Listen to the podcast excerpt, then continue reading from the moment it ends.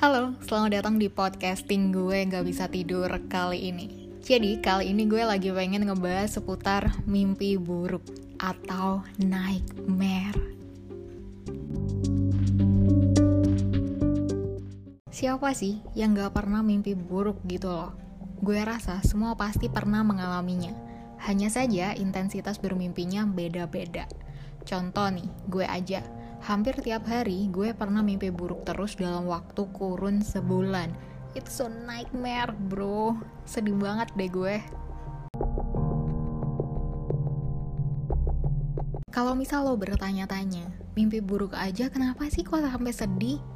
Jadi gini, salah satu penyebab kita bermimpi buruk ternyata karena tubuh kita sedang mengalami fase stres dan cemas berlebihan di mana perasaan stres dan cemas itu bisa dipicu dari banyak hal. Misalnya, seharian itu kita habis mendengar kabar yang kurang baik. Atau bisa jadi seharian kita baru saja tertimpa hal buruk dan tidak mengenakan. Seperti kecelakaan, atau perundungan, bullying ya, dan lain sebagainya. Di mana hal-hal tersebut menjadikan pola tidur kita itu berantakan banget dengan kata lain, kita menjadi mengalami gangguan tidur atau sleep disorder. Biasanya, sleep disorder ini kerap kali dijumpai oleh anak-anak berusia 4-8 tahun. Lo pada tahu kan? Itu loh yang kalau anak kecil baru tidur, terus tiba-tiba udah teriak aja gitu ketakutan. Nah, itu dia deh. Dia lagi mengalami sleep disorder.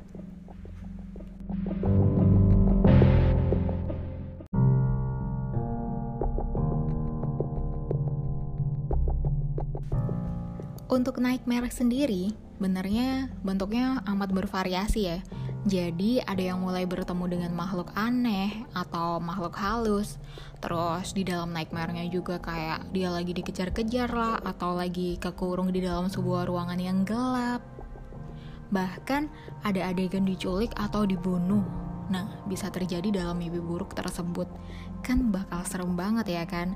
Nah, buat yang pernah mimpi buruk sehingga seperti itu boleh deh ya nanti komen kita saling cerita mimpinya kayak gimana. Sebenarnya, mimpi buruk itu cukup wajar dan alami. Cuman beberapa orang yang mengalaminya terkadang punya komplikasi berlebihan dari si nightmare itu. Misalnya nih, kalian jadi mudah stres atau cemas di dunia nyata atau bisa jadi kalian jadi gampang moody, gimana mood kalian terganggu. Kadang lo bisa seneng lah, kadang lo bisa nangis-nangis sendiri lah, kayak orang gila. Atau bahkan depresi hingga memiliki keinginan untuk melakukan hal-hal buruk yang dialami di dalam mimpi tersebut.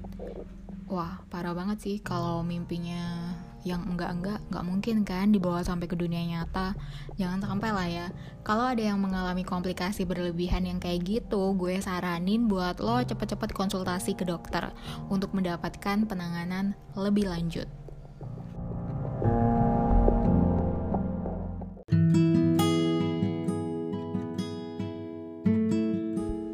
untuk sekarang gue lagi pengen bahas soal pencegahannya. Bisa nggak sih si nightmare ini kita cegah untuk masuk ke dalam bobok nyenyak kita?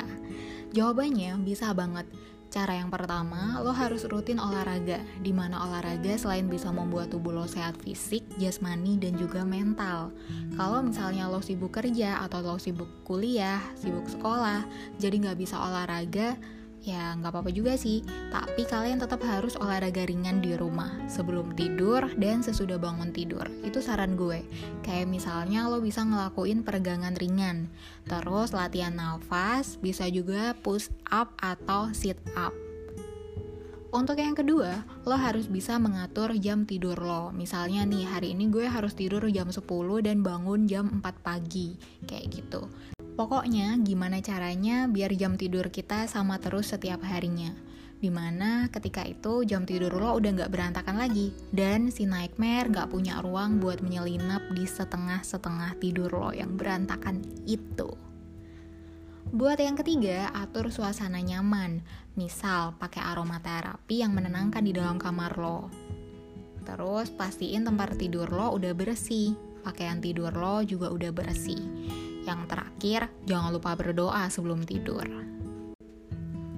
Untuk yang keempat, nah ini paling sering gak kita sadari sih, yaitu penggunaan handphone sebelum kita tidur. Pasti bikin lo jadi penasaran dan malah makin main handphone. Untuk yang kelima, ini adalah cara ampuh yang sering merepotkan sebenarnya. Jadi, baca buku. Buat para milenial yang harus masih belajar, kayaknya bakal repot banget sih kalau setiap baca buku suka langsung ketiduran. Tapi ini manfaat banget karena dengan membaca buku kita bisa menjadi teralihkan dari mimpi buruk yang akan memasuki ruang kosong saat kita lagi beristirahat.